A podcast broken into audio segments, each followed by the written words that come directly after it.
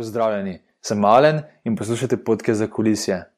V njem skupaj pogledamo v zakulisje nekaterih najbolj znanih in zanimivih slovenskih podjetniških zgodb, z namenom, da se skupaj nekaj naučimo, kar lahko uporabimo na lastnih projektih.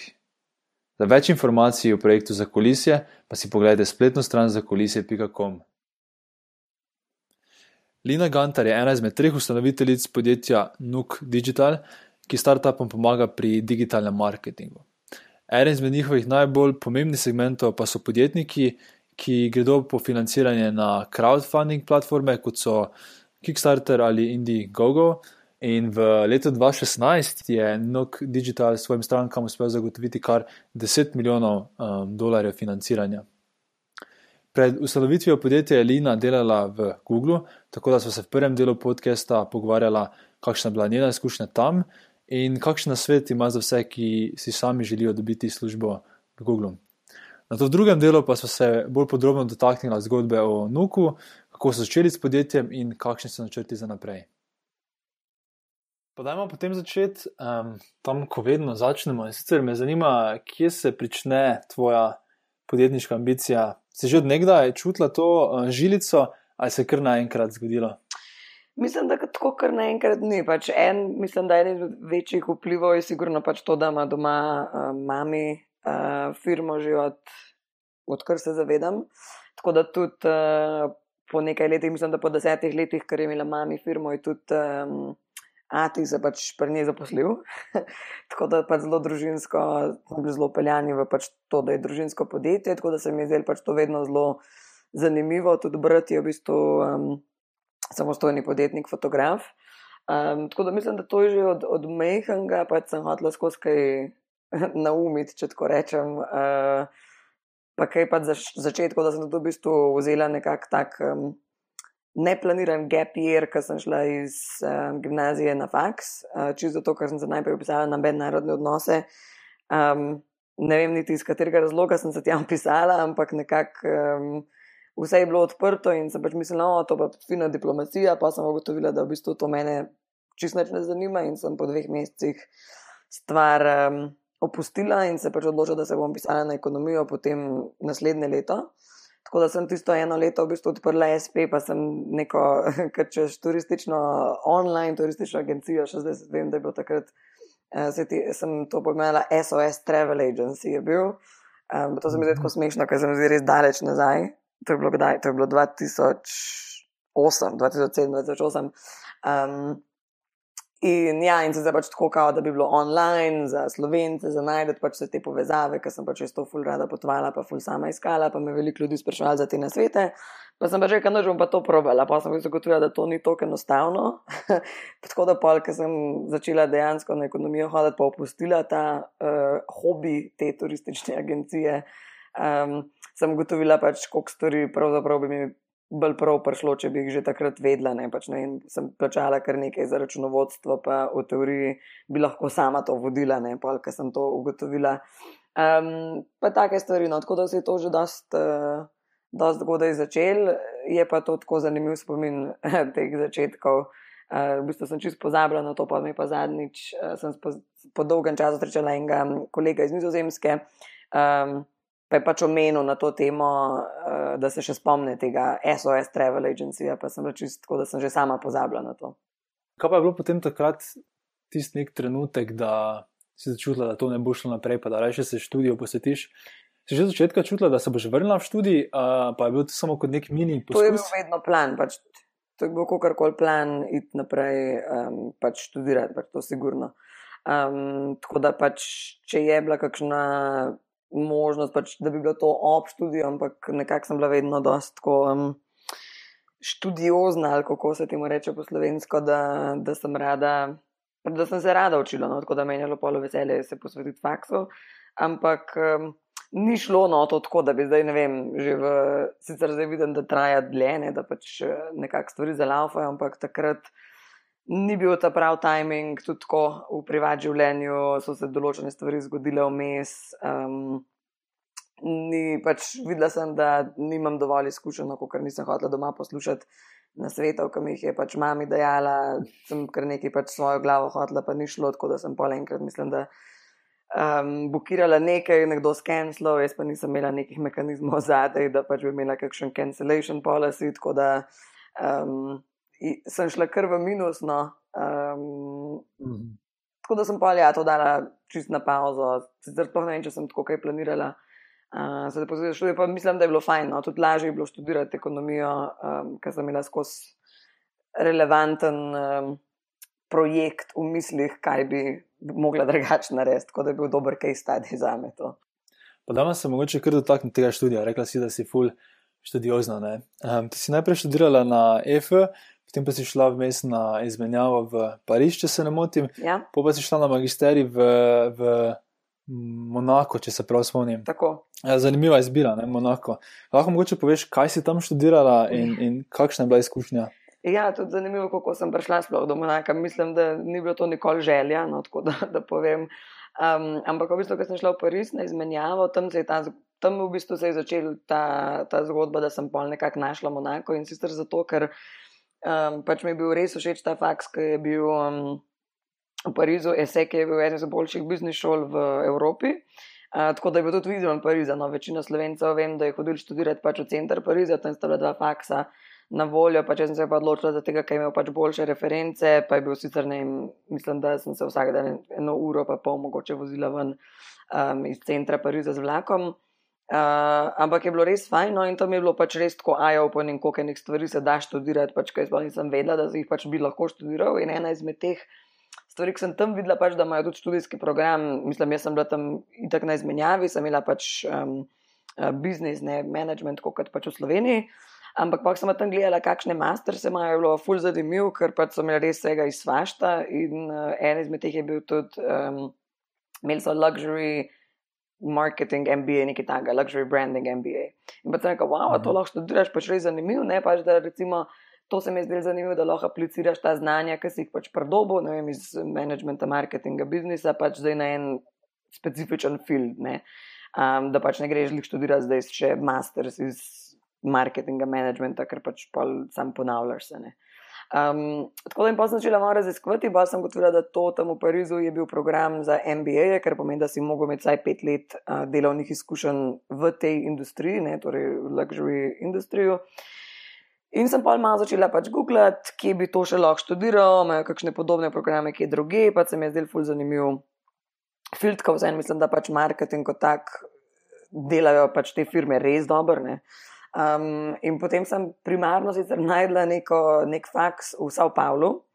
Uh, po naključju, bolj sicer sem tam že na izmenjavi, enkrat vmes na taki krajši izmenjavi z ekonomsko fakulteto, pa eno fakulteto iz Sao Paula. In sem šla pač nazaj tja k prijateljem en poletje uh, na obisk, pa pač na intervjuje na to šolo v Sao Paulu. Uh, ta je bila v bistvu isto, so pač bil marketing, uh, luxury management uh, podiplomski študij, ampak je bil pa part-time. In je v bistvu bilo tako, da ker sem tam malo več zvedla, je bilo tako, da bi v bistvu samo dvakrat na teden imela študij. Um, ostalo pa pač, kar želiš, ne bi lahko pač obdelo delal. In nekako takrat sem, no, mislim, da kot 20 stara, pa moram priznati, tako, no, iskreno mi je bilo malo strah, da bi se zdaj kar preselila tako daleč stran. Pa ne bi ja. imela niti full-time študija, ampak pač bi šla za dvakrat na teden, pa bi pa pač videla, kaj bi bilo. Ne. Um, tako da sem pa naprej researchala in pol sem pa najdla v bistvu ta program v Monaku, pač eh, skozi Google Search terme kot so Luxury Brand Management uh, Masters.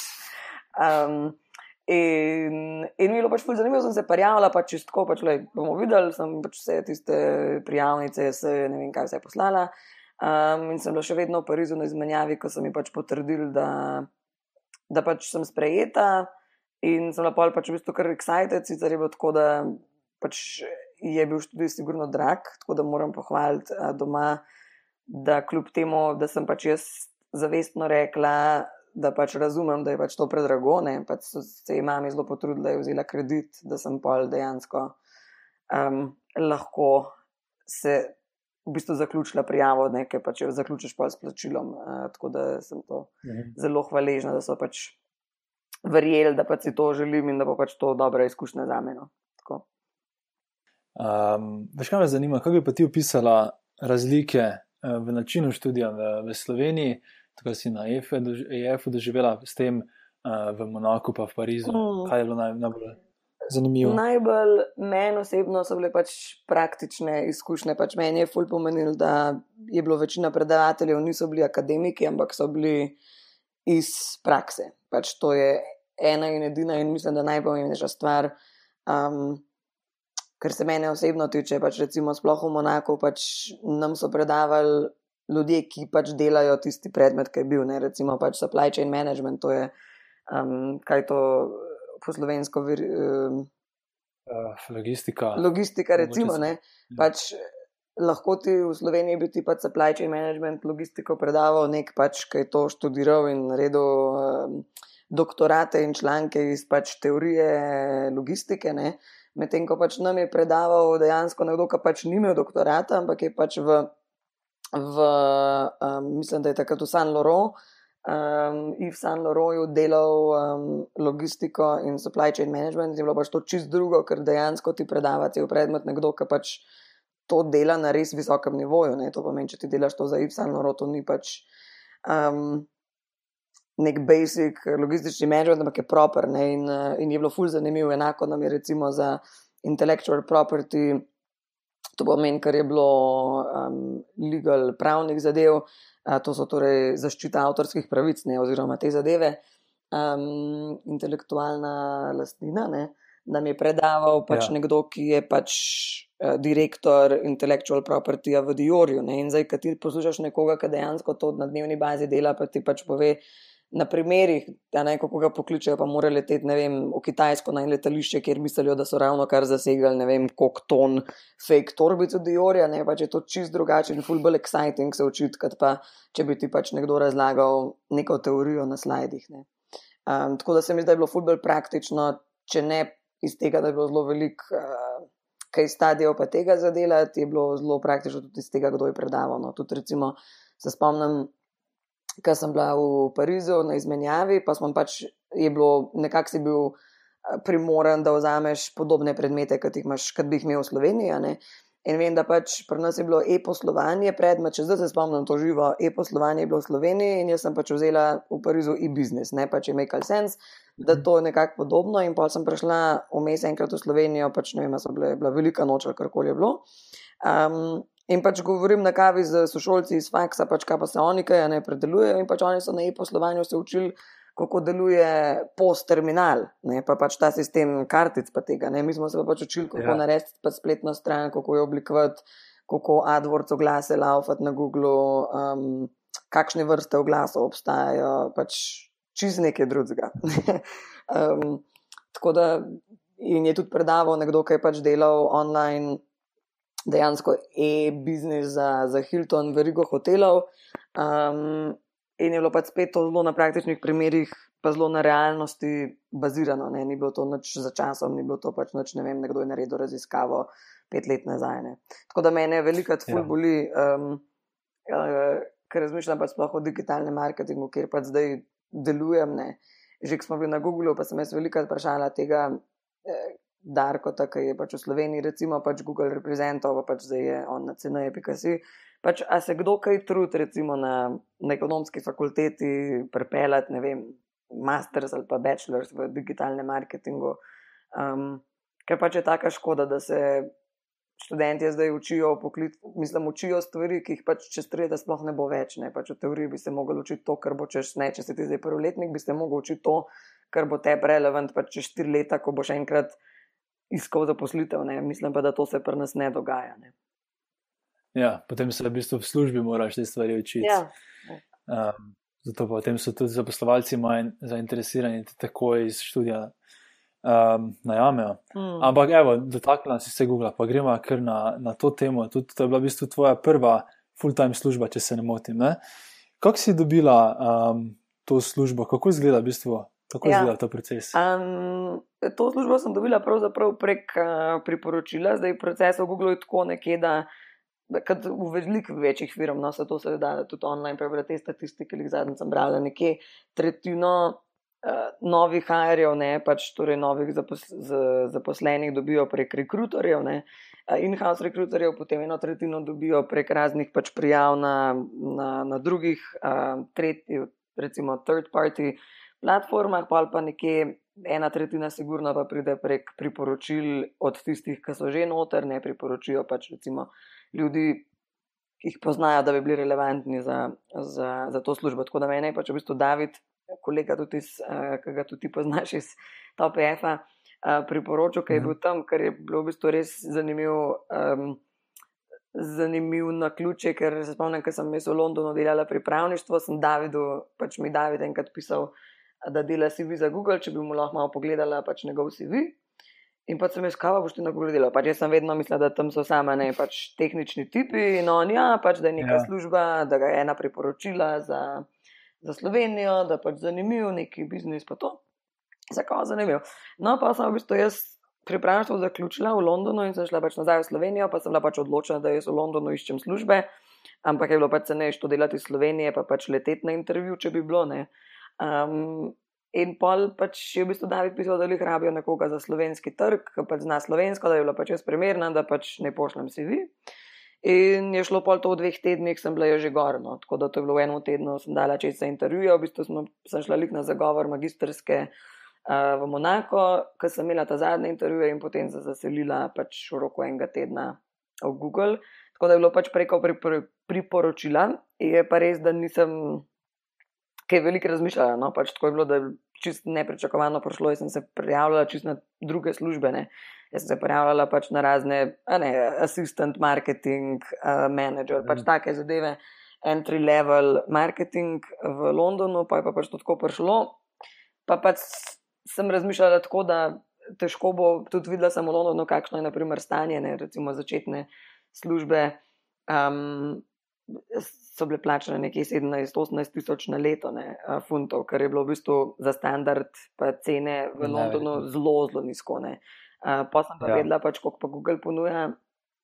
Sem si pa pač tako rekla, ok, mogoče pač dve leti na Google, pa pa pač to izkušnjo bom sigurno lahko dobila kakšno pač pozicijo, ki bo pač bolj plačana, pa še vedno pač grem lahko nazaj, recimo se prijavljati v Burberry v London ali pa karkoli takega, pa bom imela pač več šans. Tako da sem pač zaradi tega to vzela, pa se je izkazalo, da je bilo to zelo dobro odločitev, pa na koncu.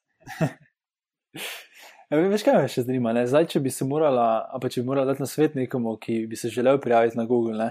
pa nima nobenega poznanstva, tam torej priporočila kaj specifično bi mu priporočali, da naredi, da bi si povečal možnosti, da dobi službo v Google? Ja, zdaj eno, kar bi rekel, je najboljše, kar um, na LinkedIn poiskati koga, ki vsaj pozna koga, ki ga ti poznaš, to je pa pa že kar velika šansa, glede na to, koliko ima Google zaposlenih. Um, ker zelo radi priporočujejo Google, zato ker so nagrade kar fajne. Če nekoga priporočiš, pa pač dobi službo.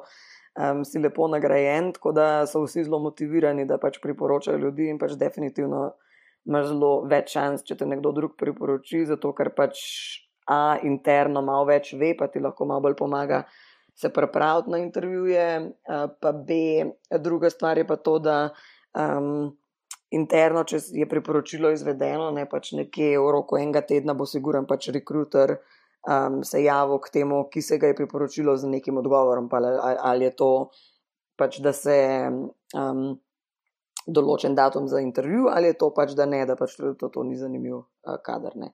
Tako da to bi jaz sigurno priporočala vsakmu, ker mislim, da je pač to sigurno najlažje. Vem, da tudi en uh, kolega iz Google. Um, Je se tapal en startup zdaj svoj, uh, ki se mu reče Refer Me Please, Uh, in je v bistvu platforma, ki bazira točno na tem. Ne? To pomeni, da so gor in rekruterji in pač zaposleni v vseh teh večjih firm, kjer uh, imajo te uh, priporočevalne sisteme, ali kako bi se temu rekli po slovensko. Uh, in v bistvu združuje pa na drugi strani tiste, ki iščejo zaposlitev v teh firmah, da pač najdejo nekoga, ki jih bo priporočil, ker pač je to v bistvu win-win. Pač za tistega, ki se prijavlja, je to zelo plus, ker ima nekoga on the inside, ki mu pove, pač, kaj je treba paziti, kako je treba si vi narediti in to ne, za tistega, ki pa priporoča, je pa pač vedno neka nagrada na strani firme, ne, če pač priporočiš nekoga noter. Tako da to sigurno je ful uh, lažje um, na tak način pridati not. Um, Tako da jaz bi rekel, da je to sigurno zelo pametno, ne pač po networkati najdete neko povezavo. Um, je še vedno marsikdaj, če pač me kdo kontaktira, pač poznam ljudi v Google, pa pač jih recimo preusmerim tja, neh nekomu, ki ga poznam. Uh, pa moram reči, da še nikoli noben ni rekel ne, ne bo priporočil. Um, tako da to bi rekel, da je zelo pametno. Um, Rečem, da tudi jaz sem zanč. Uh, čistko ne vem, kje me je najdla, preklinktina je na punca iz Singapurja, da se prijavila, pa da jo sama zanimala malo več o internih procesih, da pač jo je zanimala malo bolj, kako se intervjuje, prepraviti, ker že je imela intervju. Ne. Pa smo se kar ne pol ure pogovarjali pač, um, na temo, kako grejo intervjuje, kaj recimo se gleda ne, um, na intervjujih in take zadeve. Mislim, da ti to lahko zelo prav pride, no, tako da je to siguran. Mislim, da najboljši plan, če želiš v eno tako večjo firmo pridati, ker so vse te notranje interne zadeve, pa te sistemi za priporočevanje zelo dobro razviti. No. Um, drugač pa pač na dolgi rok, če pač je pa nekdo, ne, zdaj prvi letnik, pa mu je pač to cilj čez 3-4 leta, pa sigurno pač ne performance, um, dobre ocene, pač velik. Uh, veliko projektov ob strani, ne, pač, da, si, da se vidi, da pač si aktiven, samo inicijativen, da pač ne vem, delaš zanimive stvari. Recimo, v Google so vedno rekli, da na koncu, pač, če si med dvema kandidatoma odločaš, ne, večinoma pač bo dobil službo tisti, ki je bolj zanimiv. Ne, pač tisti, ki je bolj Google, so to rekli v Google, ampak dejansko pa veš, da je to res, nekaj ti en pove, se spomnim enkrat na intervjuju. Mi je nekdo pač rekel, da je študiral, pač ne vem, delo izmenjavo v Nemčiji. In sem pač ga vprašala, kaj pa kaj tako dela, red op, a ne študijo. Pa je rekel, da je v nekem kuharskem krožku, kjer se enkrat na mesec dobivajo in imajo tekmovanja v kuhanju in ne vem kaj, tako nek cel crowd, crowdsourcing model. In se mi je zdelo res zanimivo. In pač tega pa res ne pozabiš. Ne? In pač se tako res ljudi mhm. zapomniš, pač potem, kar so delali poleg vseh teh stvari. Ne? Tudi velikrat opaziš, da koga vprašaš um, na intervjuju, pač, da naj ti pove kaj, kar ni vsi vijo. In pač veliko veš, da kakšni mhm. ljudje sploh ne znajo povedati nič drugega, ker pač ni noter, pač kar neke nagrade, pa to so tam naredili, pa to so tam naredili. Pa rečeš, ja, ja, to vidim, to vse tle piše, ampak kaj pa recimo ni v tvojem CV-ju. In se kar mhm. zmedajo, pač kar ne, ne znajo nič najdati, pač kar jih recimo diferencira. Tako da mislim, da pač čim več stvari početi, pač tudi če ni zdaj, a ne čiste desetke, pač se ne rab, ne, pač rab se neko poprečno dobro oceno, ampak pač biti zelo interdisciplinaren, mislim, da je to ful pomembno. To, ravno sem nekje bral, da si ti v tvojem času pri Google v bistvu se izučila za intervjuvanje potencijalnega kadra. Ne? Kako izgleda to na drugi strani, razen tega vprašanja, zdaj, ki si ga omenila? Kaj so še druge stvari, ki so ti bile najbolj zanimive pri, pri kandidatih, oziroma kaj si najrajše iskala? Ja, mislim, da je to težko reči, zato ker ne, interno je tako strukturirano, da vedno veš, eh, pač ne vsak velik intervjuvanc, mislim, velik ljudi je tistih, ki intervjuvajo ne, in zdaj pač večinoma ti določijo, kaj pravzaprav moraš iskati. Ne. Zdaj, mislim, ne kaj moraš iskati, ampak katero področje recimo preverjaš. Ne. Tako da vsak bo nekaj drugega recimo preverjal.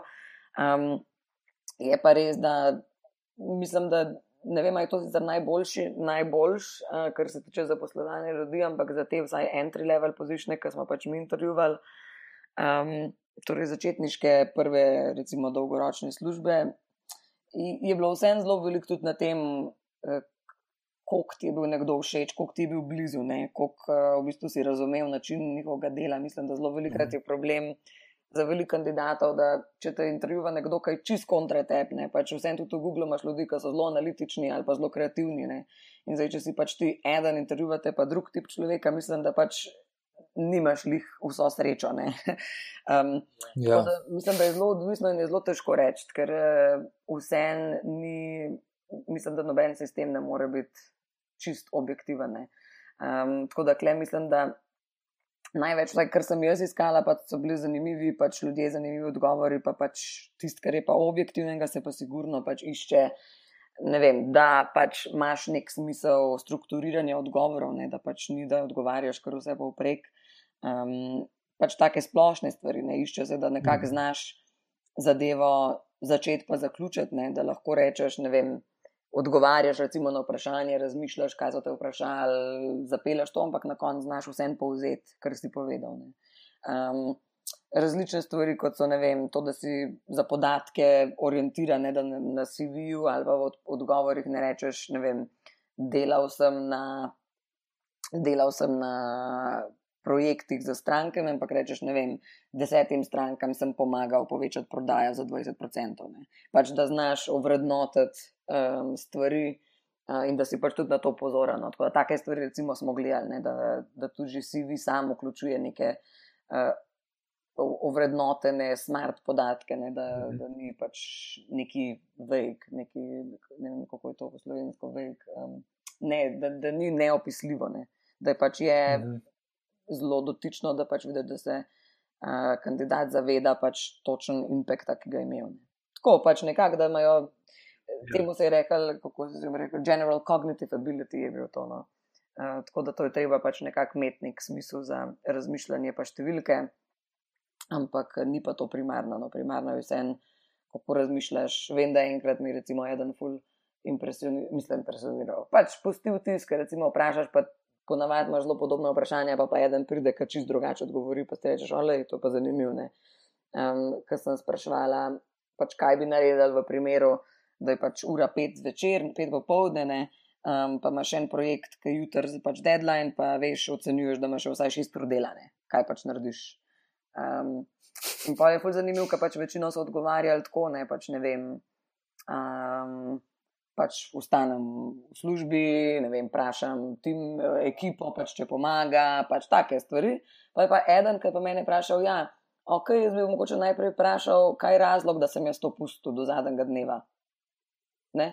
In je bilo pač res dobro, pač je res dobro povedal. Pač ni začel odgovarjati, ampak je rekel: oh, jaz drugače ne bi to zrepil do zadnjega dneva, aj kakšen, a ne v tem, ok, stadiju, aj kakšen razlog, zakaj jaz to nisem že prej dokončal. Ne? Mm. In pač jaz nisem pa vedela, kaj ne odgovorim. Ne? Pa sem jaz, ker nisem pač sploh razmislila, da bi kdo to vprašal. Ne? Tako da to si pa pač zapomniš, pač take, take odgovore. Dobro, pa lepo, da, da dobiš tako izkušnjo, ne, da si lahko tudi na drugi strani, čeprav si na, v podjetju mogoče komaj eno leto, dve leti. Ne. Se v medijih se da veliko v bistvu prebrati, ne samo o tem, koliko je fajn delati v Google zaradi znanja, ampak tudi zaradi teh veš, dobrih delovnih razmer. Ja. Kakšna je bila tvoja izkušnja? Ja, mislim, meni je bilo, meni je bilo super. Jaz tudi nisem pač iz Google šla, ker mi ne bi bilo všeč. Ne, pač je bilo tudi dokaj težko odločitev iz vidika um, kaj je prav za narediti. Um, tako da meni je bilo pač super, jih poznam zelo veliko, ki jim ni bilo, ne, da pač ne bom govorila samo o plusih, ampak moja izkušnja je bila tako, no, pač, da sem se res ogromno naučila, pač res te vržejo noter. Um, mogoče zelo težko moraš biti dokaj samozavesten, ker zelo veliko stvari, sploh na začetku, ne si pač vržen in pač moraš splavati. In je težko, če nisi prepričan, da to lahko narediš ne tako, čist na primeru. Naprimer, ne vem, jaz po treh, štirih mesecih, ne, so mi pač že dali sestanek za pežojem. Ne. In pač jaz še nisem sploh vedela, da jaz produkt dobro poznam, kaj šele, da bi zdaj pomagala neki ekipi, ki je kar konkretno na nivoju, pa dela pač, ne vem, vsi že pet let v recimo online marketingu, ne, jaz pa pač kleme Google naučil, zdaj pa bam, zdaj imaš pa ti meeting z njimi, pa jim boš pomagala, ne. Pač to, ta, ta, uh mhm. -huh. to te pač noter te vržejo, ker je pač na njihovi strani ful pač vsaka čast, ne, da si pač to drznejo, pa si lahko prvo še ukazal tak brend. Ampak um, to mislim, da se največ naučiš zaradi tega, ne, ker pač si vržen, pač lahko delaš, kar hočeš, če pač si determined, si pač odločen, da bi to. Uh, rad počel in se pač naučiš, ne? tako je bilo podobno z intervjuvanjem. Um, jaz sem zelo veliko drugih stvari tudi delala, kot je pač izobraževanje teh uh, novih, ki so prišli. Pač v teoriji se da vse narediti, kar hočeš, v primeru, da pač ti to res želiš. Ne? Tako da to je res plus bil vsaj za me, ker pač jaz sem dost samo inicijativna, da sem pač stvari želela. Pač, vem, sem slišala, da ne, eni reko, oj sem intervjuval, pa sem rekel, o, res, a to lahko, kako pa. In sem pač pol. Pa je on rekel, pa tole kontaktiraj, pa kontaktiraš, pa te pove, kako, pa kako do tega prideš in pač pa prideš. Um, tako da to je mhm. full velik plus. Um, je pa pač res, da dolgoročno ne, je pa zelo velik, um, sploh pač jaz sem začela v tem oddelku podpore. Um, zelo težko iz takih oddelkov vam prideš. Mislim, da zelo fino je biti um, inženir ali pa kakšen bolj senior. Um, ker pač, ko začneš v oddelku podpore, zelo težko prideš ven, oziroma prideš, prideš ven, ampak je zelo velik um, travm, vsaj kar sem videla pri kolegih, v primeru, da te ne zanima napredovati na recimo um, menedžer, menedžer nivo, ne, da bi rad pač druge stvari delal. Um, tako da sem pa na koncu, ko sem hitro napredovala, pač je bila opcija, da pač moja pot je nekako vodila v, v team lead, ne v team manager. da bi pač imela svojo ekipo, ampak nekako pač meni to ni bil v bistvu napredek. Ne? Pač meni je bilo to tako, pač, kako bom jaz zdaj pa 26, pa bom kar pač menedžer ekipe, jaz bi se rada še kaj naučila. Ne? Tako da pač iz tega vidika je bil Mm. pol um, lastna firma dosti dober odgovor temu, ker pač mi ta napreduješ na teh drugih skillih, ne, kar je pač super, če si pač to želiš, jaz si to sigurno želim, at some point, mogoče pač 35, 40, ne. Um, ni mi bil pa to cilj, da pač kar naenkrat vse, na čemer delam, je pač um, vodenje pač zaposlenih, -hmm. pa pač politika za unimi, ki so nad mano. Pol paziš, da je, da je kar naporno, če nisi ta prav človek za to, um, da igraš pač uh, to igro neke notranje politike, ki pač nima nobenih pravil, ampak obstaja nekako tako ful, ful čuden. Tako tudi zdaj te kolege, ki jih poznam, ki so pač šli naprej, pa, pa so napredovali, pač govorijo, da večino časa, da tudi recimo včasih eno, dve uri zapravijo, sam da mail napišejo, zato ker pač morajo toliko stvari razmisliti, kako ga napisati, zato ker vejo pač, da gre, ne vem, petim direktorjem, ne pa pač oni dve uri zapravijo, da un mail sestavijo, da pač izpade mail dober, pa da je kratek, jedrnat, ne pa pa dobijo nazaj, ok, ne, pač reply. Tako da te, te Ja. pa je veliko te politike notranje, moraš biti kar, moraš biti kar ta prav človek za to. No. Ja, se to je, v bistvu vsaki taki veliki firmi skoraj prideš do ene, tega nivoja, kmalo. Ampak da se tega dotaknem, to mi je v bistvu zelo, zelo zanimivo.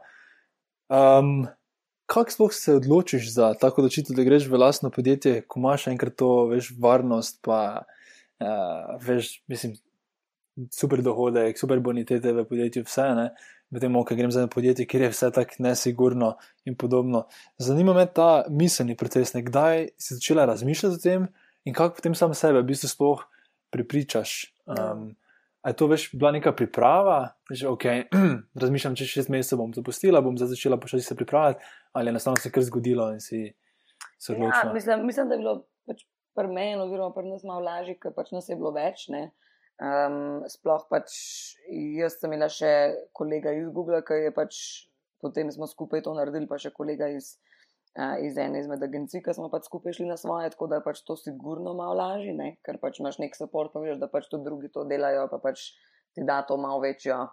Um, en- Večjo sigurnost v to, da mogoče pač je to dobra odločitev, ne? ker pač ste vsem trije, ki, to odločitev uh, sprejemate. Ampak pri meni je bilo bolj to, ne pač tako, kot si zdaj rekel, ne pač um, iz varnosti, da greš v nekaj, kar je nesigurno. Pač lih to je bilo pri meni osebno, je bilo pravzaprav lih to, ne pač da trenutno, da je bil pač zdaj edini čas, ko si to še lahko prvošam, ne nisem pač, nimam otrok, nimam kreditov, nimam hipoteke, pač zdaj lahko to sprovam. Ne. Pač jaz sem dejansko pa ti rekel, da je 26, sem pa takrat stara. Um, zdaj se to lahko prvošam, če, if, a veš, tako sem rekel, if everything else fails, ne, v primeru, da vse spodleti, um, še vedno pri 29, 30 komod, pač z izkušnjami, ki sem jih imela, najdem dobro službo. Um, komod še karkoli naredim, še vedno pač imam starše, kamor grem lahko domov v Slovenijo, pa en mesec tam v Kranju sedim, pa ugotavljam, kaj, kaj naprej.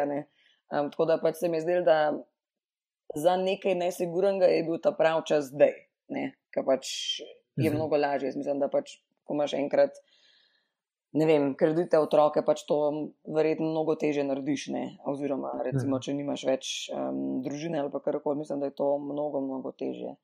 Um, tako da pač pri meni je bilo bolj to, da je bil to zdaj idealen čas za to sprobati, ker sem pač definitivno to hotela sprobati, kako to je. Um, in je bil good timing, pač le. Jaz sem nekaj prešparala, ostale vas tudi nekaj prešparala, smo rekli, da damo en let in let pa pol. Če bo bo, če ne pa pač ne. ne.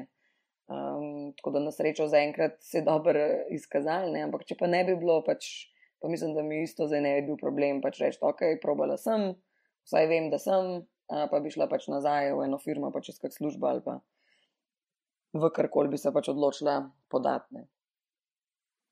Zdaj, vi niste šli v to zgodbo z uh, investitorji. Ne, ne. Uh, me zanima, če ste se to namenoma odločili in če ste se, zakaj ste se tako odločili. Ja, mislim, tako je. Pač mi, smo, eh, pač mi smo šli itak, um, pač poslo, poslovna ideja, če temu tako rečemo, je pač bila uh, service-based, ne, jo je to težko včasih najdem slovenske izraze. Um, Ja, to pomeni, eh, pon- pač mi bi imeli storitveno dejavnost, ne, ne uh, produkt, tako da mislim, da za take stvari je malo težje najti investitorje. Um, tudi imeli smo neko idejo, vizijo, ni pa bilo čist specifično začrtan, nek biznis plan, ne, pač ni bilo zdaj, ne vem, lej, to bo produkt, to se bo na tok ljudem prodal, interes je tok, trg je tak, stal bo tokle in to so pač dobički v treh letih. Ne, pač tega mi nismo imeli, mi smo imeli pač neko storitev, ki smo mislili, da je priložnost za njo. Um, pa smo pač to hoteli sprobati, po, pač potipati trg, videti, pač, če je. Um, pa pač pol iz tega naprej graditi, ne, kar koli uh, pač bi bilo. Tako da bi bilo verjetno zelo težko. Tudi če bi hotel, bi bilo težko dobiti investicijo za, za nekaj, kar tudi sami nismo čest dobro vedeli, kaj točno bo končni produkt, ne, oziroma končna storitev.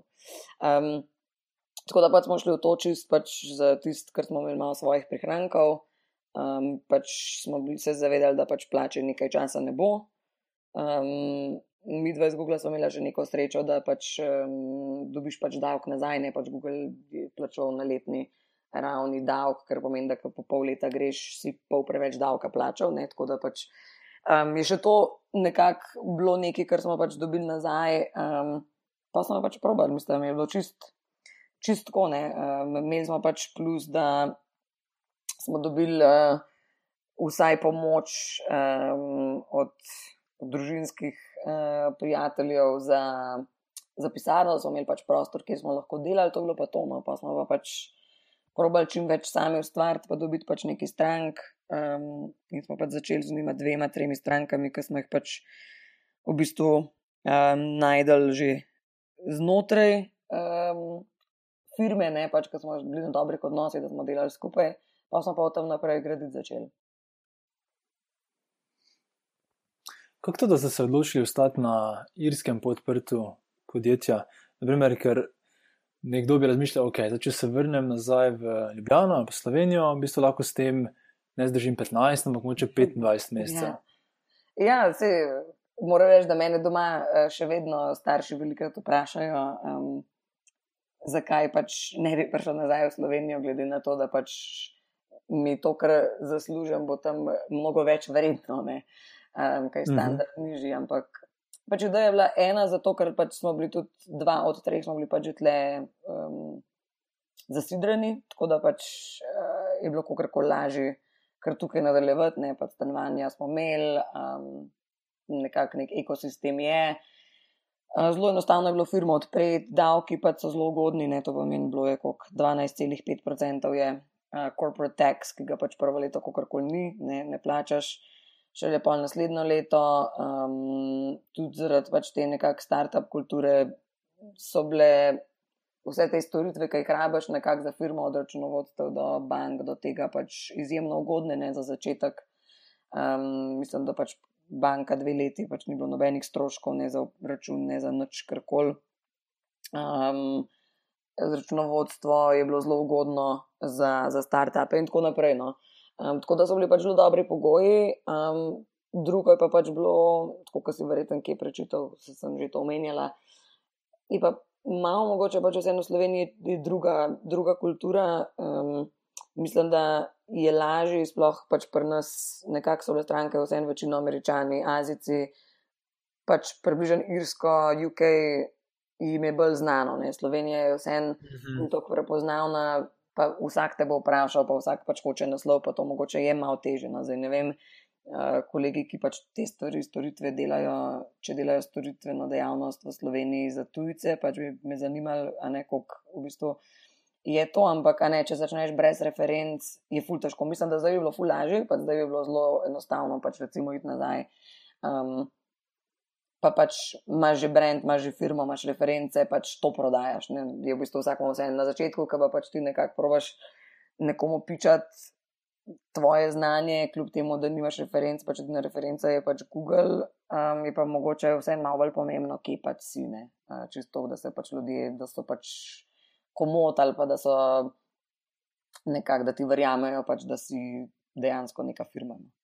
Um, tako da čisto iz tega vidika smo pač ostali tle, um, pa se je izkazalo, da čisto redno. Uh, tudi povezave so malo boljše, kar se tiče potovanj, ne, pač, če že tako gledamo, pač, ker bi v Sloveniji prehranili, ne vem, na življenju, pač bi imeli pa več za plačati, če bi hotel na kjerokoli konferenco, it network, bi pač mogli več zapraviti za potovanje tja, ne, od tega, da bi se mogli v Benetke voziti, da bi šli kam za avionom ali full drage karte iz Brnika, da bi pač kam šli, ne, tleva pač le. Da, da smo šli v London na dve konferenci, pač dejansko te pride 20 evrov karta, tja pa 20 evrov karta nazaj. Um, tako da pač so pa vse te stvari, da pač ne torkaš, pa da si tam, kjer so pač potencijalne stranke, so dosti pomembne, pač če ti je trg tujina. Um, tako da smo pač tukaj pol prehranili, tako da mislim, da kaj prav. Ja drugače ne bi bilo, no, bi bili pač drugačni stroški. To je zelo podobno. Tudi Niko Klanšek v prvem podkastu razlagal, da je tudi imel v New Yorku registrirano podjetje, mu ful pomagalo biti bolj resen ja. pri, pri potencijalnih strankah, mm. kar pa polnoma razumem. Ampak prej si omenila en detalj, samo bi se rada taknil in sicer, da ste investirali na začetku v, v pisarno. Ne? In to se mi zdi zanimivo, ker glede na to, da ste storitveno podjetje, bi nekdo razmišljal, mogoče bom pa kar na začetku od doma delal. Ja. Kaj se vam je zdelo pomembno? V bistvu nismo niti investirali, pač smo pač najeli, pač bilo je do, dokaj mhm. ugodno. V bistvu je bil tak, um, šerali smo pisarno še z eno firmo, tako smo imeli pač polovično. Polovičko, ampak fore da mi smo pač začeli trije ne? in zdaj na začetku pač vsem povedano, da čas preživljaš skupaj, se smo tudi pač delali z raznih kavarn, pa tako, da je bilo malo bolj disciplinarno, ampak vse moraš imeti nekje prostor, ko si skupaj. Če začneš sam, se jaz čist strinjam, ne pač najlažje v doma, zakaj ne. Um, pri nas je bilo pač tako, da smo bili trije različni, s tremi različnimi preferencami, kako bi pač delali. Um, tako da pač smo začeli za pisarno, da smo pač imeli prostor, kjer smo se vsi lahko pač dobili, kjer smo lahko brainstormali. Uh, pol smo malo diverzificirali to zadevo, pa smo se pač, mislim, da enkrat, dvakrat na teden dobivali pač v raznih kavarnah, pa smo tako pač, da je bilo malo bolj fleksibilno. Um, pa je fino, no, pač imeti neki prostor, kjer si, itak moraš imeti neki prostor, da si registriran. Um, zdaj, tle, recimo, če najemaš, pač zdaj v Sloveniji, mogoče malo drugače, pa živiš ne vem, pri starših ali kjerkoli, ampak tle, recimo, vsaka najemna pogodba ne dovoljuje, da pač to zdaj uporabljaš za za naslov za biznis. Ne pač take stvari, čist mhm. malenkostne. No. Um, tako da smo to sicer začeli, je pa res, da potem, ko smo enega člana izgubili, uh, ko so bila sam še dva, uh, je bilo tega malo manj. No. Pač uh, smo v bistvu šli, potem prešli na virtualno pisarno, um, pa pač malo več delamo uh, od doma ali pa, ali pa iz raznih. Um, lokalov, co-working spaceov in tako naprej. No. Tako da zdaj je tega več, na začetku smo bili pa malo več v pisarni. Ja. Ker mogoče je res mhm. čudno, ampak le, pač tako, pa kaj nazaj gledaš, so bile mogoče to um, čudne odločitve, ampak tako se naučiš pa. Ne, vse verjetno je zelo pomembno tudi imeti prosto čisto na začetku. Tudi, da imaš nek, mislim, vseeno je to neka ločnica med, med privatnim življenjem in med osebnim, ko greš ti, a veš, da delaš. Ne? Ja, mislim, da je zelo bolj to, bolj zaradi ekipe. Pač, Ker smo bili vse trije, zdaj če vsak doma. Nimaš ta pravega stika, tudi um, ideje ne, ne bouncajo off, kot če pa si skupaj. Ne, mm. ja. E, zdaj se že skoraj 20 minut pogovarjamo, pa še nismo niti omenili imena podjetja Nuk. Ne? Uh, ne vem, če sem pravi izgovoril, če ne me popravi. Prav, prav. Sicer me zanima, je, kaj točno počnete. Zdaj smo se v bistvu nismo niti dotaknili še vsebine podjetja, kaj delate in kakšen imate poslovni model. Ja, pač um, v bistvu ideja zadaj primarno je bila pač nekako smo um, videli par startupov, ki so rabili pomoč za online marketing, in smo pač v bistvu videli neko uh, nišo oziroma nek gap um, v, v trgu pač teh startupov v neki začetni fazi, recimo investicija ali pa crowdfunding ali pa karkoli že imajo, um, da se jim pač pomaga, da pač imajo zelo dobre, ponavadi pač nekoga imajo, ki je zelo dobro v biznisu, nekoga ponavadi imajo zelo dobre tehnološke kadre, nimajo pa mogoče toliko uh, izkušenj z, z marketingom, predvsem z online marketingom. Tako da pač je bila to primarna ideja, pa se temu posvetiti. Um, Pa se je v bistvu stvar zelo razvijali, razvijali, razvijali, tako da zdaj mogoče delamo zelo drugače, kot pa smo. Um, tako da stranke so bile večinoma startupi, ki so pač bili po crowdfundingu ali pa znotraj crowdfundinga, recimo Kickstarterja in Digogoja, ali pa taki, ki so pač že dobili investicijo, um, pa se jim je pač pomagali delati online prodajo. Um, zdaj je zgodba malo drugačna, še vedno pač imamo nekaj, pač en del, recimo bi rekel 30%. Um, 30% biznisa um, gre za te pač redne stranke, ki se jim pač pomaga rast prodajo online, uh, delati razne online teste in tako naprej. Recimo, zdaj pa siguren 70% je pa samo crowdfunding, tako da v bistvu zdaj pravzaprav delamo um, celotne crowdfunding kampanje od zasnove, to pomeni od uh, delanja baza nekje ena do dva meseca prej do pač launcha in do menedžiranja pač kampanje in online marketinga za njo. A, tako da smo tudi razvijali, pač na začetku je bil naš edini offering pravzaprav uh, online advertising, ne to pomeni AdWords, Facebook oglasi, Twitter oglasi, uh, Bing recimo oglasi, pa še to niti ne tako zelo velik, uh, pa analitika uh, spletna, zdaj pa v bistvu delamo tudi. Um, Launch, recimo pre-launch landing page, delamo um, banner design, delamo um, design, crowdfunding strani, ne, to pomeni dejansko, kako zgleda stran, ko Kickstarter nekako se jo pač zastavi, kako se jo naredi, do pač seveda online advertising, kako pušati čim več uh, prodaje preko teh kanalov. Tako da smo zdaj v bistvu um, v zadnje, pa v bistvu bi rekla, v zadnje tri četrt leta, no ne dlje. Um, smo ena izmed vodilnih top pet crowdfunding marketing agencij na svetu. Ne? Tako da zdaj jih je v bistvu dva glavna, v bistvu dva glavna konkurenta sta v, v Ameriki, pa en glaven konkurent je recimo v Izraelu. Uh, to je pa to, ne? tako da v bistvu smo zdaj tudi naredili partnership z, z Indiegogo platformo kot samo. Uh, tako da v bistvu zdaj delamo direktno z njimi in direktno jim pomagamo pač um, delati marketing za vse njihove uh, projekte, tako da je ful pač v bistvu bil dost pivotno v primarni zamisli. Um, še vedno pač nam je to fulfino delati za, za startupi, ki so pač v fazi rasti in jim pomagati pač online prodajo. Ampak je pa ful zanimivo delati s temi crowdfunding projekti, ker je ful hitrejš se, se stvari odvijajo, ful hitreje treba se odzivati. Um, pač v dveh dneh, recimo, lahko čisto spremeniš strategijo, ki vidiš, da pač tisto, kar si zastavil, ne deluje. Ne. Um, tako da je fulbol zanimivo, pa pač so tako projekti, ne to pomeni, da se začne nekaj tri mesece se dela za vsako stranko, pa pa pač ponavadi ne rabijo več ne storitev, oziroma če rabijo, jih potem lahko um, pretvorimo v ta naš drug del biznisa, nekaj je pa pač za, za rast prodaje, potem, ko enkrat imajo investicijo. Tako da se je lepo poklapalo, no? je pa res, da primarno nismo mislili, da je tak trg v tem crowdfundingu, zdaj pa ta crowdfunding gradala taka industrija, da pač, pač res eh, smo mi v bistvu še najbolj konkurenčni, kar se tiče cene. Če ti povem, recimo ta glaven, eh, glavna naša konkurenca iz Amerike računa nekje 30 posto vsega vzame, kar, kar, kar tisti um, startup, ki ga oni. Za kjer ga oni delajo, zbere. Ne? To pomeni, če pa zberejo milijon, oni vzamejo 300 tisoč. Um, tako da tle je veliko denarja, tudi uh, zelo žalostno je, mislim, žalostno, ni žalostno, ampak več, večina ljudi se ne zaveda, da pač te projekti, ki zberejo po milijon, dva, ne pač mi smo za neparimi že delali, uh, pač to tudi vržejo noter nekje 100 do 300 tisoč investicije v marketing. Ne. Uh, tako da ni, da so pač to take, ki pač imel nekdo doma idejo za ene slušalke, pa so naredili na render, pa pač zdaj pa to res laupa, ne? ampak uh, so kar konkretno investirali in v marketing budžet in v PR budžet, da se je pač to zgodba do 2 milijona prišla. Tako da pač to večina ljudi ne ve ne? in zato je zelo veliko, mislim, da projektov, ki pač um, ne uspejo, ker pač mislijo, da je pač to zelo straightforward, pa ni ne. Je kar, um, je kar biznis. je kar biznis. Ja, ja. Jaz začela si primerjavo z temi um, ameriškimi. Torej, oni vzemajo 30, kaj pa, kakšno pa pri vas model? Imamo pa fixed fee, imamo pa fixed fee, če se vidi, da pač smo tu dobili feedback, da je pač mm. to fulaži za njih zaplanirati.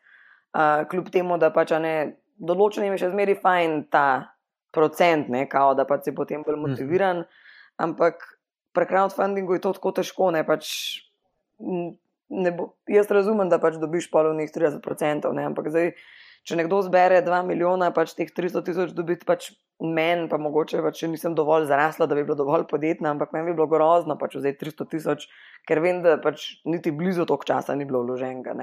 Um, v to se mi zdi briljanten model, pa super, da pač to jim zmorejo in da lahko to pač zadržijo. Ne je pa res, da pač zaradi tega imajo pa zelo velik kritik v, v samem komunitiju, kar se tiče tega njihovega doruškega modela. Ne. Tako da tudi moraš imeti verjetno zelo dobre odvetnike, da ta denar pa dobiš. Um, pač pri nas je pa pač fiksen model, ki dejansko pač bazira na, na obsegu dela. Ne. Tako čizlo, kot recimo bi se kreativna agencija lotila, se pač mi lotimo, um, da pač ocenimo, koliko dela bo, glede na to, koliko imajo oni budžeta, pa koliko pač stvari hočejo, da mi za njih naredijo.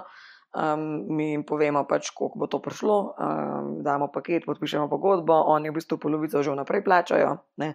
To pomeni, da imamo mi zagotovljen uh, prihodek, že preden sploh karkoli delamo, potem pa v bistvu, um, ko gre stvar uh, v živo, pač zaračunamo še recimo drugo polovico.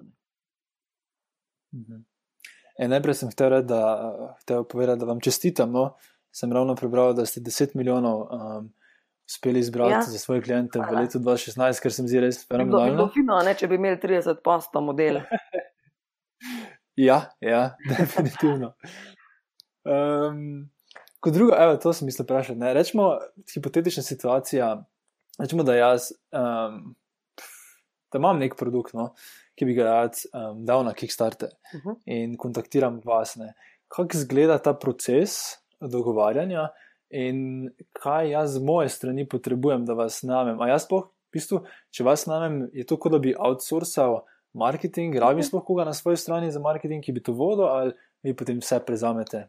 Ne, večino, zdaj mogoče če v procesu ne bi to govorila, no, ker, um, ker se mi vse zdi to en, en del tudi našega, um, našeg, našega specifičnega eh, intelektualne lastnine, če temu tako rečemo, no, tako da mogoče ne bi mhm. to preveč razglabljala. Okay. Um, je pa pač to tako, ja, pač mi imamo drugače, v bistvu, kar hočejo hands-on oziroma hands-off approach. Ne? Tako da um, ne usiljujemo nič, pač mi ponudimo celotno storitev, smo pa zelo fleksibilni, pač, da delamo ali na enem delu samo, ali pa pač, da delamo z nekom, ki je pač tam za marketing, ali pa da vse prevzamemo. Ne? Tako da pač to je čisto odvisno od stranke.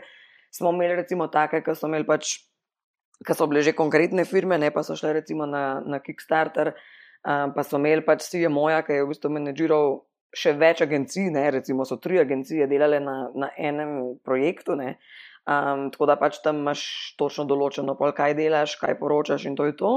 Smo pač to delali s takimi, ki pač so one-man band za investicijo in, um, in pač smo mi v bistvu prevzeli več ali manj celoten, uh, celoten proces dela in pač zasnovali strategijo in pač potem to. Um, tudi izpeljali, pač vse, kar je bilo treba uh, pripraviti. Zdaj, edino, kar mi ne delamo, ne, um, so, so videi, pa, pa kreative iz vedika fotografije. To pomeni, pač to provajda vedno stranka. Um, zdaj smo hoteli ne parkrat že tudi uh, v video se lotiti, oziroma vsaj partnerja dobiti, ampak nekako v Sloveniji ni šlo, no, smo probali pa ne parih. Teh slovencih, ki vemo, da so dobri v tem, pa imajo mogoče vsem previsoke cene, uh, za mednarodne standarde, tako da imamo pač um, partnerje v Ameriki, enega, ki dela pač videe, pa enega, ki dela PR. Um, tako da pač on, njim pač outsourcamo um, te, dve, te dve zadeve, tudi smo zelo uh, transparentni, da pač stranke vejo, da pač so to outsourcane zadeve in jih tudi povežemo z temi zunanjimi um, izvajalci, ne? da pač ne govorimo, da to zdaj mi delamo, ampak pač jih povežemo, pač on dela to za nas v Ameriki, tako da bo pač za vas poskrbel iz vidika PR-ja. No. Um, tako da ostalo pa pač mi, ja, vse sprovedemo. Imam še eno specifično vprašanje, in če gre preveč v intelektualno lastnino, ker ne še odgovoriti.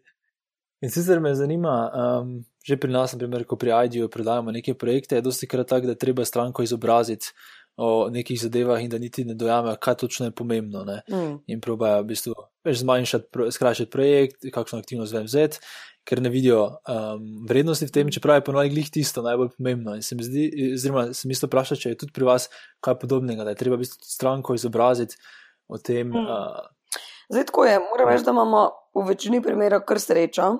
Eno je zato, ker veliko delamo z, z Azici in pač oni dejansko zelo, zelo zaupajo zunanjim izvajalcem in pač dejansko vejo, da pač oni nimajo znanja in pač podpišejo pogodbo, hočemo imeti vse zdefinirati, kaj se bo delalo in to je to. Pač ja, vedno se poskuša, ne vem, pač maili to ne dela, da je te drugače, pa pač moč razložiti, uh, zakaj pač je treba še malo več časa, preden lahko rečemo, da to ne dela. Um, take stvari, ampak v večini primerov uh, je pa večina tudi ve, kaj približno rabijo, ne pač, kar so si prebrali online, kaj pravzaprav. Vse bojo potrebovali, tako da pač razumejo, zakaj nas pač rabijo za te stvari, ker pa sami tega ne morejo delati. Je, je veliko izobraževanja, no, ampak bolj iz vidika, kaj dela, pa kaj ne, pa mogoče tisti, ki imajo več izvajalcev, ne, da se pač um, točno pokaže, kaj kdo dela. Tudi velikrat pač je zelo veliko ljudi, ki pač obračajo ne, um, stranke na okolje, tako da pač velikrat moraš tudi razložiti, pač le. Trenutno to, kar tisti delajo, nima čisto nobenega impekta, ne pač da te zamenjati, oziroma pač nekaj treba spremeniti. Tako da, veliko moram pa reči, da ni to kakšen tako negativen. No. Ja, se najde kdo, ki pač pošle 20 mailov na dan. Pač, to je mhm. neugodno, ampak bolj zato, ker pač imajo neke svoje ideje, kako bi se to delali, pa pač moraš managati expectation, da pač nekako zaupajo, da pač ti delaš to najboljš. Včasih se pa ne da, ne? včasih se pa ne da, pa pač rečeš prav, bomo pač po vaše, pa se morajo pač poli iz napake naučiti, ne? ker pač se izklepaš, da to ne bo najboljš, ampak zdaj, če nekdo, le, če ti pošle 20 merov, da hoče imeti to tako narejen, pač narediš pol to tako, pa pač poveš, pokažeš pol na podatkih, zakaj je bilo to narobene. Včasih je to treba. Mhm. Ej, kako ste pa dobili um, prve stranke? Ja, prve, čist prve, prve. Ja, se mi zdi, da je to eden izmed najbolj zanimivih trenutkov, od katerih se lahko najbolj naučimo, veš, ker mm. na začetku je verjetno najtežje. Ne? Me zanima, koliko je treba biti iznajdljiv pri prvi stranki. Ja, zdaj mi smo pač imeli srečo, da pač smo ta prve dve stranki pač imeli iz prejšnjih uh, kontaktov. Ne? To pomeni, da smo že imeli kontakte. Um, Pa da smo pač hoteli z njimi delati, pa da so bili oni tudi za to, pa smo pač sprobali tako, da nismo kaj veliko preveč zaračunavali. Uh, uh, smo bili zelo, zelo fleksibilni, kar se tiče FIA, ampak pač, da bomo videli, kaj bomo lahko dosegli. Um, tako da pa zelo tudi naslednjih, kar par nekaj strank je bilo zelo tako, ne bi rekel na lepe oči, ne pač v bistvu je bilo za bildanje referenc, um, čim več različnih stvari, da smo sprobali. Pol se je pa začel neomejeno število enih mailov. Ne. Mislim, da smo zelo čez tisoč, v to prvih parih mesecih, čez tisoč mailov poslali potencijalnim strankam, nekaj smo jih pač sourcali iz mm. ali Kickstarterja ali kakšnih seznamov, startupov, LinkedIn-a, krčeš. Pač smo poslali zelo velik. Pa pač tisti je nekaj obrodilo, ne pač neka, nek procent konverzije je bil, tako da smo pač dobili neki strank, pa se je v bistvu, mislim, da kako zdaj lani, nekje lani, juni, juli se je začela pa stvar zelo obračati, pol, ko smo pa že imeli določene reference, pa so nas ljudi najdali zato, ker so pač mm -hmm. videli en projekt, ki je pa z nami delal, pa so pač želeli tudi oni. Um, začeli smo pač network širiti, pa smo dobili par partnerjev. In pa zdaj ti partnerji v bistvu priporočajo kar nekaj um, strank, zato ker pač, kako temu rečejo, roka roko umije, pač mi nimo, oni nam. um, in pač imamo zelo dobra partnerstva, tako da se je to pokazalo za zelo koristno. No, sicer e-maili so bili koristni, ampak je kar um, težka naloga, če hočeš res personalizirati vsak e-mail, pa res pač biti čim bolj uh, asertiven, uh, pa dobiti novo stranko, ne pač um, je kar težko tako za direkt mailingi. Uh, sploh pa pač pri nas direkt klicanje ni šlo, ni prišlo poštevne, ker pač uh, so bile vse to stranke, vse, ki so bile iz Amerike ali iz Avstralije ali iz Azije. Pa pa pač za, za zelo velik truda, pa zelo velik maili, pa pač določenimi strankami, pri katerih jim je paratelj, ne, se je pa začel, ne pa imaš pa eno stranko, ki gre na par konferenc, pa priporoči tega, pa tega, pa imaš eno drugo, ki priporoči unga, pa ta tretjega. Um, pa sem pa zdaj tako odprl, da smo imeli pač tri, v bistvu največ imeli samo enega partnerja v US-u, pa imamo zdaj imamo že tri uh, partnerje, ki v bistvu pač nam priporočajo nove stranke, zato ker pač je to njim v plus, da pač mi delamo na njihovih projektih. Um, pa je pa zdaj tako prišlo, da nam pač Indigo priporoča. Ne? To je pa potem pač bil res tak turning mm. point, um, ker tam pa pač se ne neha, ne. tam pa je kokr čeženih strank, kokr jih lahko sfolgaš, jih bojo pa priporočili. Super. Koliko časa pa je trajalo, to predn se je začelo obračati od tega, da ste vi morali reči avtat, ne, oziroma ja, kontaktirati ja. ljudi, do tega, da so oni vas začeli. Koliko, veš, koliko, koliko časa treba vztrajati pri eni stvari, ja. da res lahko vidiš, je bilo, je bilo kar. Je bilo kar dlje, kot bi mi na začetku pričakovali. Mi smo pač mislili, uh, pač dva sva izgubila, en za osem let izkušnjami, pač to bo super, ne pač bomo poklicali, bi bomo ponudili, bojo vzeli, pač to je bilo sigurno, ne pa pač vsakmo smo na sestanku, ja, mi smo izgubili, mi smo izgubili. Jaz mislim, da zdaj v zadnjem letu nisem na enem pič sestanku omenila, da sem izgubila, ker pač ni več pomembno, oziroma tudi ni relevantno. Ne. Um, na začetku smo pa skozi, pač to, je bilo, to je bil unique selling proposition, je bil pač, da iz Google, da imamo res velik mhm. znan. Uh, pa se je pa ugotovili, da pač večinoma vsi trenutno pač več ali manj Facebook prenaša prodajo, ne, ne Google, tako da ti pa to ne koristi več. Uh, ampak ja, je bilo kok, um, siguren, siguren dobro leto, uh, da je pač res začel dobro zgledati, ne, da, pač, da si dobil feeling, da iz tega pa res mogoče nekaj bo, pa pač nove ideje, pa nove partneršipe. Pa tako, no. tako da je dlje trajalo, mislim, da smo pričakovali full hitro. Tudi mislim, da smo na začetku se zelo veliko sami sabo ukvarjali in delali neke biznis plane in strategije, ki pač niso bili realni. Ne. Smo pač mi si želeli, da bi bili, pa ne vem, če bi. Pač zdaj je vprašanje, ali bi lahko bili, ne, če bi pač drugače delali. Ampak, um, ja, mislim, da je bilo kar težko v določenih momentih, no, to smo tudi enega zgubili, uh, ker pač misliš, da bo, pa ni, pa pač zgledaš, da bo, pa spet ni. Um, pa pač spremenjaš modele, spremenjaš stvari, ki jih delaš, pa pač gledaš, kako se stvar obrača. Ne? Tako da pač smo rabili dobro leto, no? da je začel biti res fino, zdaj le bo pa, zdaj le bo v bistvu že ju, julija, bo drugo leto. Ne? Pa je v bistvu zdaj nekje decembr, november, torej je začel res tako, da pač dobro laufa, da smo začeli Eh, razmišljati o hiringu, da smo pač zdaj, kdaj januarja, vzeli dva nova, pa zdaj le še enega, to pomeni, da smo na tri nove, ne, tako da pač vmes smo enega zgubili, sicer, ampak smo zdaj na pet um, zaposlenih. Tako da ja, je bilo treba biti kar ustrajeno, sploh glede na to, da pač nismo primarno mislili, da bo treba biti tako ustrajene. Pač smo mislili, da bo, da bo šlo hitreje, um, da bo to res enostavno, ne, pa ni bilo tako. No. Je bilo kar treba biti potrpežljiv, pa tudi tako slišiš že vseh koncev, pa krajev. Pa vsi te seveda sprašujejo, ne, pa, pač ti je tako včasih tudi malo neprijetno, pač ni jih najbolj enostaven, ker pač tako si vejo. Sploh recimo tako, ko smo šli z Google. Vsi ti, ki so ostali tam, ne, pač vsi vejo, se dobiš na kavi, pa vsak vpraša, kako vam gre. Ne, pač ja. Takrat, pa po parih mesecih, ki še vedno ne gre za to tako wow, ne, uh, se malo že naveličaš. Uh,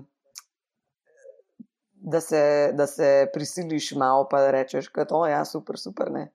Jaz sem pač pa vedno govorila dejansko to, kar je bilo res, pač, da se res veliko učimo. Pač to je bilo, kar se tiče unga leta, tudi pač, če bi recimo po enem letu, če se ne bi zgodil, ne pa bi rekel, pač ok, to ne bo, pač gremo zdaj nazaj v službo. Um, pač jaz sem vsem povedala točno to, kar je bilo pač res, da pač smo se res ogromno učili. Pač sem, se, sem mislila, da sem prišla v Google, da sem se pač res veliko naučila um, ki so pač v ne pol leta te res drilali, pa si se pač skozi nekaj noga učil, ampak pač ni za primerjati pač s tem, kar sem se naučila zdaj, ki pač imamo, imamo svojo firmo. Pač tudi, tudi to, kdaj je že prišlo, pa ker sem ti prej rekla, da sem bila zelo študiozna, pa pač sem jaz delala masters, pa to, da smo imeli ta prvega pripravnika, pa je pač rekel, da zdaj razmišlja, da bo upisal master, da sem mu to odsvetovala. Sem rekla, pač, da je raj začni delati, ker se boš več naučil. Ker pač mislim, da je bilo fajn pač zaveze pač, uh, študirati. Uh, pa delati po diplomcu. Pač, do diplomca mislim, da je super, pač se moraš nekaj osnove naučiti, pač čist splošno. Ne. Ampak um, po diplomcu je pa tako, da pač je super zaveze, super za neko dodatno razumevanje, ampak v teoriji pač polka imaš svojo firmo, pa če si samo inicijativa, ne, seveda ni za vsakega, ampak če si samo inicijativa, se lahko naučiš res, res ogromne stvari. Mm. Pač jaz uh, sem pač prišla v to stvar dve leti, mislim, leto pa pol nazaj sem šla v to pač za znanjem AdWordsa, pa online analitike, pač to sta dvo, dve moji znani, um, da zdaj pač delam, oblikujem pač spletne strani, poleg vsega tega, kar znam, da znam Facebook, verjeten boljš kot pa AdWords, um, da znam uporabljati še pohod drugih analitičnih programov, kot sem Google Analytico, da, da pač znam z strankami delati, da znam delati, ne vem, dizajniramo glase, pač čisto vse se naučiš in se pač dejansko da, če pač hočeš. Ne. Tako da mislim, da za take, ki se pač hoče učiti, pa ki se radi učijo, pač je to idealna priložnost, ker se pač res lahko. Pač krčeš, naučiš. Ne? In pač tako, če imaš recimo stranke ali pa pač, če delaš na produktu, je včasih res tako pride, pač, vem, da te investitor ali pa stranka vpraša, ne vem, a to, um, a to tudi delate, pa rečeš ja, ne, ne rečeš pač ne in potem pač figuraš, kako pač bomo to zdaj delali. Ne, meni se zdi to zelo dober na svet, um, to glede študija in podiplomskega študija. Primer, vsem, ki so v Sloveniji, pa ki so že diplomo naredili v Sloveniji, definitivno priporočam, da ali, če že hočejo nadaljevati študij, da ga naj nadaljujejo na v tujini, v nekem drugem študiju, ker se v bistvu zadeve skoraj da samo ponavljajo. Mm. Pa mogoče zdaj govorim samo za ekonomijo, ampak ja. na ekonomiji je definitivno tako. In, in je to dober način, da če želiš iti ven, da lahko stopiš uh, v tujino, ali pa da enostavno greš delati. Mm. Dosti ljudi išče tudi entry level službe in v bistvu si splačan za to, da se učiš. Mm. Teda, definitivno splača pogled. Omenjala si torej um, te službe in učenje, ne? v bistvu kakšni so pa vaši načrti za naprej? Huh, ja, načrti za naprej trenutno so kar zanimivi. Tako da zdaj le uh, smo odprli firmo tudi v, Ang uh, v Angliji, torej v UK-ju. Um, v Manchesteru, tako da tam pač, nam je pač UK trg je dost velik, sploh za crowdfunding, tako da nam je to ena zelo dobra priložnost, ker bomo v bistvu sam s tem, pa se tja preselimo, bomo največja crowdfunding agencija v UK-ju, kar pač je zelo dober PR artikel, se piše kar samo od sebe. Um, tako da pač je tam tudi dost velik trg za, za več hardvera, no, ker smo pa ugotovili, da na irskem ga ni, uh, s komer pač mi več delamo kot softverom. Um, tako da to in pač zdaj so v bistvu ti novi zaposleni, so že v, delajo že iz Manchestra, tako da se jim pa eh, pridruživa še mi dva, smo še tle na Irskem uh, aprila, do takrat greva pa v bistvu um, mi dva, ki smo še od found, founderjev ostala. Um, Na okolj sveta za en mesec, uh, na obisku sem uh, strankam. Ne, to pomeni pač na srečo ali na žalost, na srečo bolj, so vse stranke pač imamo kar nekaj iz Hongkonga, iz Singapurja, pač iz Šenžena, ki je v bistvu podraven Hongkonga, uh, potem imamo kar nekaj iz Sydneyja, pa potem seveda iz USA uh, in iz uh, zahodne in iz vzhodne obale, tako da gremo kusem na obisk. Uh, Malo pogledati, pa upam, da bo še kaj časa za kakšen sightseeing, čeprav bo kar velik dela. Tako da upam, da bomo kaj videli no, še na poti. Tako da to je zdaj primaren plan, pa pa selitev v UK, pa rasti tam. To pomeni, bomo um, probali čim več ljudi tam dobiti, tudi talenta in mnogo več kot na Irskem.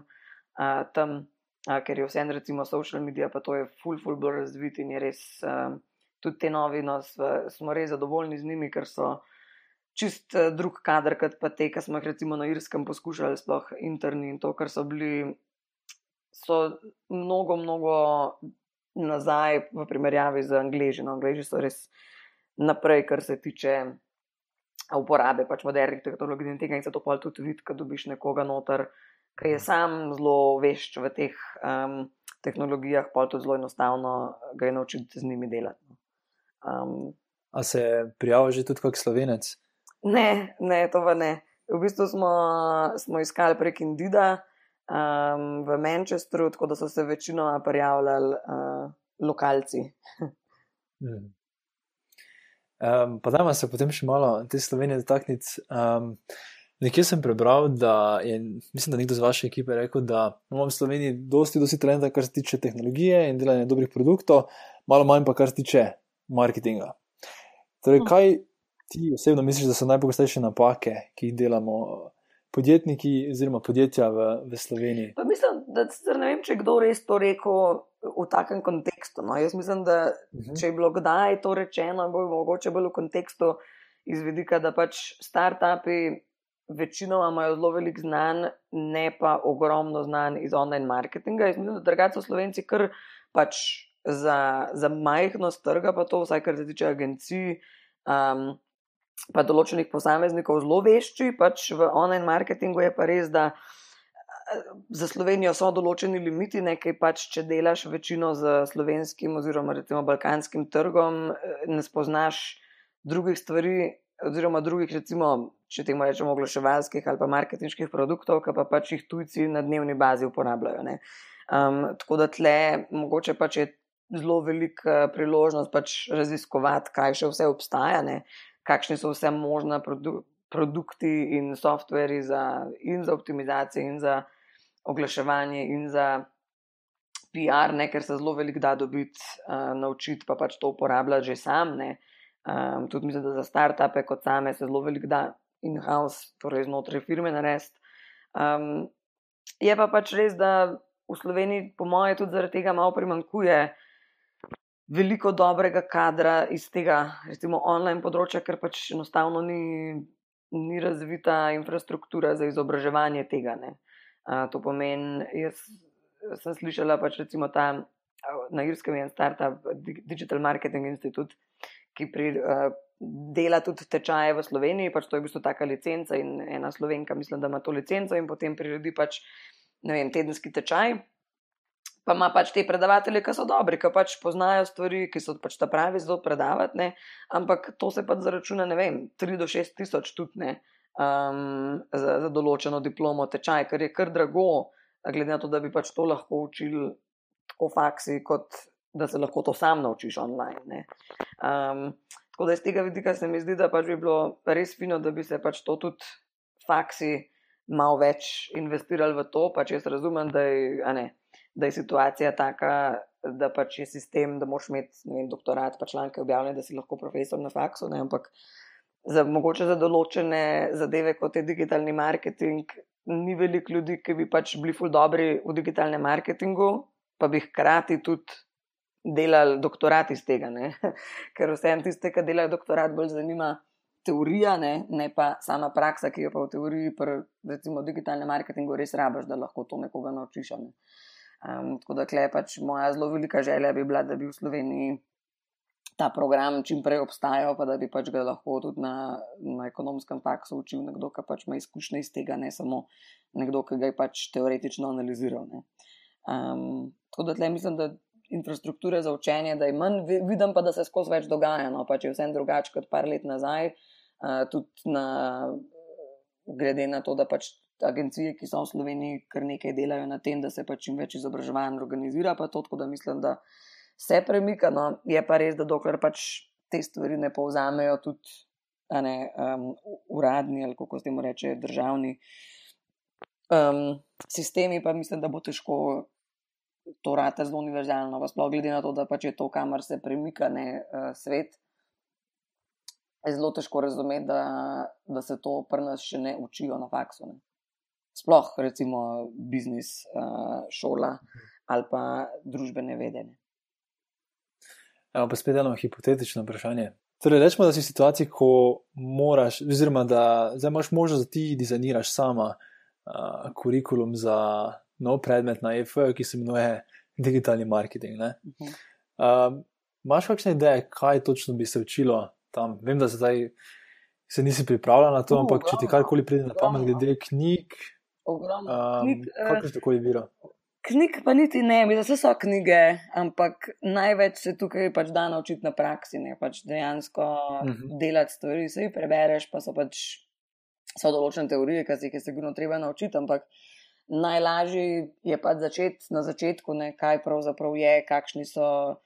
Kakšni so pravzaprav urodja za digitalni marketing, in potem dejansko iti skozi ta urodja, ne pač uh, razmišljati manj o samih teorijah zadaj, ampak dejansko pač spoznati um, študente z vsemi urodji, kako delajo in pač to delati na pač praktičnih primerih, ne pa je to, da ima vsak nek projekt ali pa nek produkt, za kjer ga dela. Ne. Mislim, da bi bila to tudi zelo zanimiva partnerstva v industriji um, in da se pač študenti na tem, da za nekoga to delajo, pač učijo. Ne. Recimo, pač ta teden se dela, ne vem. Um, AdWords, pa verjetno bi rabo ene par tednov se na tem dela, pa se pač to spozna s tem, da se pač dejansko ustvarja kampanje in uh, daje feedback na kampanje ne, in pač izboljšava uh, kampanje in tako naprej. In pač tako se bi dejansko naučili, kaj pravzaprav zadeva je. Ne, pač jaz vem, zdaj, ko smo recimo nove vzeli, pač mi smo mogli tudi. Pač nismo smo vzeli take, ki smo jih pač mi vse naučili, ne, da pač nekako uh, padejo noter, tudi v Google so meni vse naučili. Ne. Uh, tako da smo mi vzeli zelo podoben sistem, mi smo vzeli pač nove, ki so bili pač imeli potencial za to, smo jih pa mi vse naučili. Ne. To pomeni od tega, kako narediti landing page, do tega, kako pač zasnovati uh, online kampanjo, do tega, kako jo izvesti na Facebooku, na Twitteru, na, na Googlu, na drugih platformah um, kakšne so vse možnosti, tega je res, res ogromno. No. Tudi, recimo, jaz, zdaj, če odgovorim najprej na vprašanje, no, bi sigurno pač to zasnovala tako, da bi pač mogoče bil en predavanje, overview vsega, ne, uh, celotnega ekosistema, pa pa ena skozi eno, pa drugo. Ne. To pomeni, začneš. Um, Pri overviewu mogoče narediš eno strategijo, potem pa greš, uh, kako se dela e-mail marketing, kako se dela um, plačani marketing, kako se dela content marketing in pač za vsako stvar imaš zelo enostavno um, primere, da pač študenti pol to naredijo ne, in se pač s tem naučijo, ker tako se pač najlažje naučiš, če pač stvar narediš. Um, tako da mi tudi smo predavali, zdaj že mislim dvakrat ali trikrat v tem ABC akceleratorju v, v BTC Cityju. Um, In pač je vsakeč znova fully presenetljivo, da ne, nam se zdijo te stvari, v katerih predavamo, čisto samoumevne, ne pa pa šele takrat, ko ti predavaš, vidiš, da so v bistvu ljudje čisto šokirani, da se to lahko dela. Ne? In pač ti ni čisto jasno, da to v bistvu se ne zavedajo vsega tega, kar obstaja. Ne? Tako da pač je tle tudi um, zelo fino za nas, ker pač nekaj novega naučiš, pa vidiš, da pač je to dejansko nekaj, kar lahko startupi ali pa pač če bi to študenti uporabijo za naprej. Pa tudi mislim, da bi bilo to zelo zelo dober za vsako firmo, ne? tudi slovenske firme so še zelo zadnji, kar se tiče online. Zdaj govorimo o povprečju, seveda so zelo velik dobrih um, firm, ampak več je bilo študentov, več takih, tudi če pač pridejo na konc na eno drugo pozicijo kot pač online, ne? tudi če pač ta pride v um, neko drugo. Uh, drug oddelek, ne, ali kar koli pač ti to pomaga, pač to, da pač znaš vse najdete, pa da se zavedaš, da pač vsako stvar lahko poiščeš, pa najdeš nekaj, kar ti lahko pomaga pri rešitvi problema. Pač mislim, da je to zelo pomembno. In mislim, da se tega zelo malo dela pri nas. E, to zveni res, res kul. Cool. Mislim, če bi kaj takega obstajalo, bi jaz tudi sam razmislil, da se pišem. Da, ja. Če boš razmišljala. Ja, tem... Jaz sem slišala take zgodbe, da so bili um, tle v Dublinu, je bil ta Web Summit, ki je ena izmed večjih online, mm -hmm. takih online-based startup konferenc na svetu, pa vem, da so velikrat volonterji bili, pa pač, če so bili kakšni slovenci volonterji, so se pol tudi ponavadi koga poznali, pa so prišli v Google na, um, na obisk. Pa vem, da sta bila dva enkrat, ki jim niso dovolili delati uh, diplomske oziroma magistrske iz uh, nekega online marketinga, ker so pač na faksu rekli, da za to ni nobenega mentorja, ki pač bi bil strokovnjak v tem in da zato pač iz tega ne morejo delati. Ne.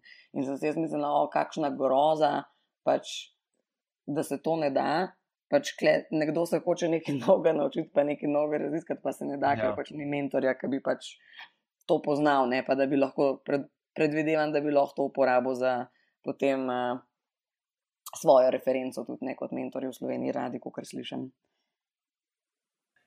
Ej, imam še par samo končnih vprašanj. Um, in se za prvo me zanima, kateri so tvoji najljubši startupi, ki jih sama uporabljaš kot uporabnik in zakaj? Ha, Dobro vprašanje. Kako je tega? Ja, zdaj sama, misliš bolj poslovno ali osebno v osebnem življenju? Kar koli. Okay. Recimo, v osebnem življenju je sigurno um, pač velik uporabnik um, Ubra in Halota, to pomeni pač za, za prevoze, za taksije, um, enako za Airbnb. pač mislim, da mhm. Je zelo redko kakšen. Um, dopust ali pa tudi poslovno potovanje, da na, na nekem nivoju se Airbnb ne uporablja. Tako da to iz vidika takih osebnih, upam, marsikaj še tega ne vem. Od, um, zdaj sem po telefonu malo gledam. Ja, ja. Od recimo tudi uh, Audible ne, za, za uh, audio knjige, um, kaj še kaj takega, kar uporabljam sama. Pač dobro, zdaj startupi so še vedno Facebook in podobno, ne, to je, o tem niti ne bom govorila. Pač uh, Snapchat tudi zelo pogosto, uh, pa zelo aktivno uporabljamo že zelo dolgo časa, mislim, da pa zdaj že ne 3-4 leta. Um, to pač osebno, več ali manj pa vse bolj koristim v. No, pa pač seveda razni uh, trackerji, kot so ne vem, Fitbit. Um, to tudi ne vem, zdaj če si še pod startup, um, tudi par crowdfunding kampanj, ki smo jih suportirali. Um, recimo, če polo uporabljam, super so mi. Um, isto kable, imamo eno stranko, ki pač dela te magnetne kable, ki v bistvu je en kabel za vse različne naprave, uh, charger, tako da to tudi super.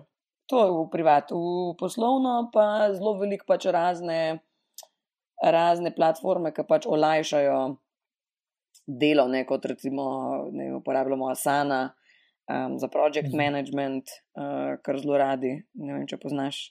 Um, ja. Pol, vse te oglaševalske, seveda, um, Squarespace za, za website design, um, Canva za uh, design vseh raznih social media, kreativ pa tega. Mislim, da sploh. Mislim, da je težko v tem času biti dizajner, kaj to, uh, self-service toolov uh, zunaj, ker lahko kar dobro narediš sam. Huh, velik, ne vem, ali to odgovoriš na vprašanje, se moraš še kaj še spomniti. Ja, ja, definitivno se ni treba mučiti.